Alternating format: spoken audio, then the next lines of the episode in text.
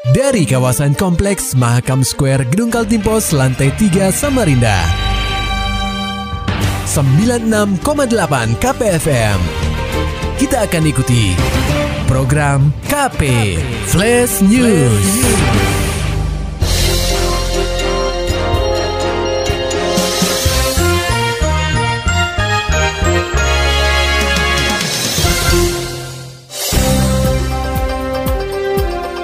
Anda sedang menyimak program KP Flash News bersama saya Agung Pratama.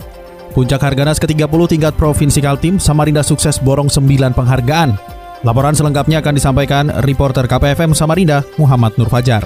Kota Tepian mampu memborong juara pertama dalam 9 kategori lomba saat rangkaian Hari Keluarga Nasional atau Harganas ke-30 di Benua Etam. Penghargaan itu diberikan saat puncak Harganas ke-30 tingkat Provinsi Kaltim di Pendopo Oda Etam pada Selasa 22 Agustus 2023. Capaian ini tentu sangat disyukuri oleh Ketua TPPKK Kota Samarinda, Rinda Wahyuni, yang hadir langsung dalam kegiatan tersebut. Istri dari orang nomor satu di kota tepian ini menyampaikan, penghargaan ini merupakan prestasi luar biasa, mengingat Samarinda sudah dua tahun berturut-turut mendapatkan juara umum di bidang keluarga berencana atau KB tingkat Provinsi Kaltim.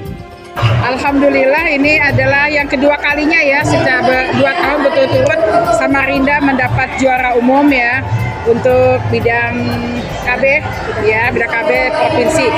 Dan ini ya sangat luar biasa sekali. Kami berharap kami bisa mempertahankan sampai lima kali berturut-turut seperti kata beliau ya. Dan saya yakin sekali uh, Bu Ayu sangat apa intens memang dalam hal pembinaan baik itu KB-nya maupun stuntingnya pun juga. Ya alhamdulillah.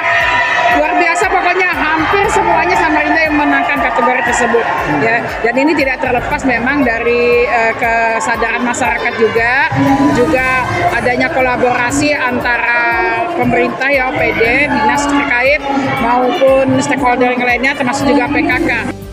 Sementara itu, Kepala Dinas Pengendalian Penduduk dan Keluarga Berencana atau DPPKB Samarinda, I Gusti Ayu Sulistiani, mengaku tidak menyangka bahwa Samarinda mampu menyabet berbagai penghargaan. Menurutnya, kesuksesan ini tidak lepas dari kerja keras dan kolaborasi seluruh pihak dalam menyukseskan program Bangga Kencana selama ini. Sebenarnya memang sih untuk penghargaan ini kita tidak menyangka ya, yang penting bagaimana kita bekerja, berbuat, tentunya berkolaborasi juga dengan, karena kita juga dalam berkegiatan ini ini sangat didukung oleh Bunda Genre karena kita banyak untuk kegiatan program Bangga Kencana ini kita banyak melibatkan anak-anak genre hmm. yang sangat didukung oleh Ibu Ketua PKK kita, Ibu Burinda sangat mendukung sekali dengan melibatkan uh, setiap kali kegiatan PKK melakukan sosialisasi pasti melibatkan anak-anak kita genre kita. Hmm. Lebih lanjut, Ayu menyampaikan rasa terima kasihnya kepada penyuluh KB dan kader-kader kampung KB yang selama ini sudah bekerja keras sehingga Samarinda bisa mendapatkan 9 penghargaan tingkat provinsi baik untuk bidang KB maupun penanganan stunting.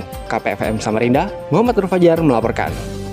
Pendengar KP sempat viral di media sosial, petugas kepolisian akhirnya berhasil meringkus pelaku pencurian yang menyasar sebuah coffee shop di Jalan Juanda 8, Rotan Sebambu 20, Kecamatan Samarinda Ulu. Kapolresta Samarinda Kombes Pol Arif Adli menjelaskan peristiwa pencurian ini terjadi pada Kamis 17 Agustus 2023 di mana pelaku berinisial SY nekat memecahkan kaca kafe dan mencuri satu unit handphone, satu unit tablet serta uang tunai 2,8 juta rupiah. Beruntung saat kejadian aksi pelaku terekam kamera CCTV sehingga wajah dan kendaraan yang digunakan dapat teridentifikasi. Setelah menerima laporan dari korban, jajaran Polsek Samarinda Ulu akhirnya berhasil membekuk SY di kediamannya di Jalan Muso Salim, Samarinda pada Minggu 20 Agustus 2023. Kemudian dari kronologis peristiwa tersebut yaitu pelaku masuk ke dalam tempat kejadian perkara atau di 11 kopi itu dengan cara merusak kaca, memecahkan kaca jendela kafe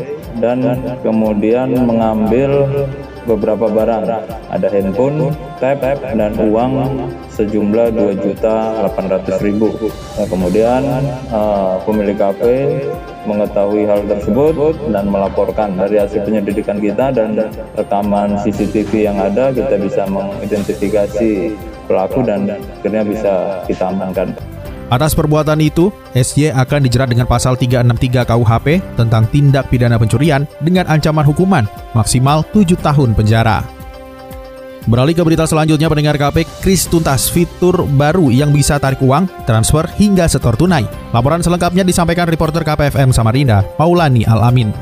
Fitur baru Kris resmi diluncurkan Bank Indonesia. Fitur tersebut meliputi transaksi tarik uang, transfer, dan store tunai. Implementasi Kris tuntas bagi penyedia jasa pembayaran atau PJP yang telah siap untuk mengembangkan fitur dimaksud dilakukan secepatnya pada 1 September 2023 dan selambat-lambatnya pada 30 November 2023. Kepala Kantor Perwakilan Bank Indonesia Provinsi Kalimantan Timur, Budi Widi Hartanto menyebutkan, peluncuran fitur KRIS bertepatan dengan hari ulang tahun ke-78 kemerdekaan Republik Indonesia pada 17 Agustus 2023. Menurut Budi, pengembangan inovasi fitur KRIS secara berkelanjutan merupakan bagian dari implementasi blueprint sistem pembayaran atau BSPI 2025 untuk mengakselerasi inklusi ekonomi dan keuangan digital sekaligus mendukung stabilitas dan pertumbuhan ekonomi berkelanjutan.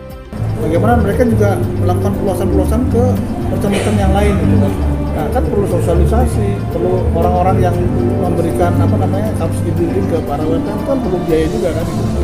Nah, makanya ya kenapa biaya itu tetap ada ya untuk kemudahan operasional dari harga jasa sistem pembayaran itu.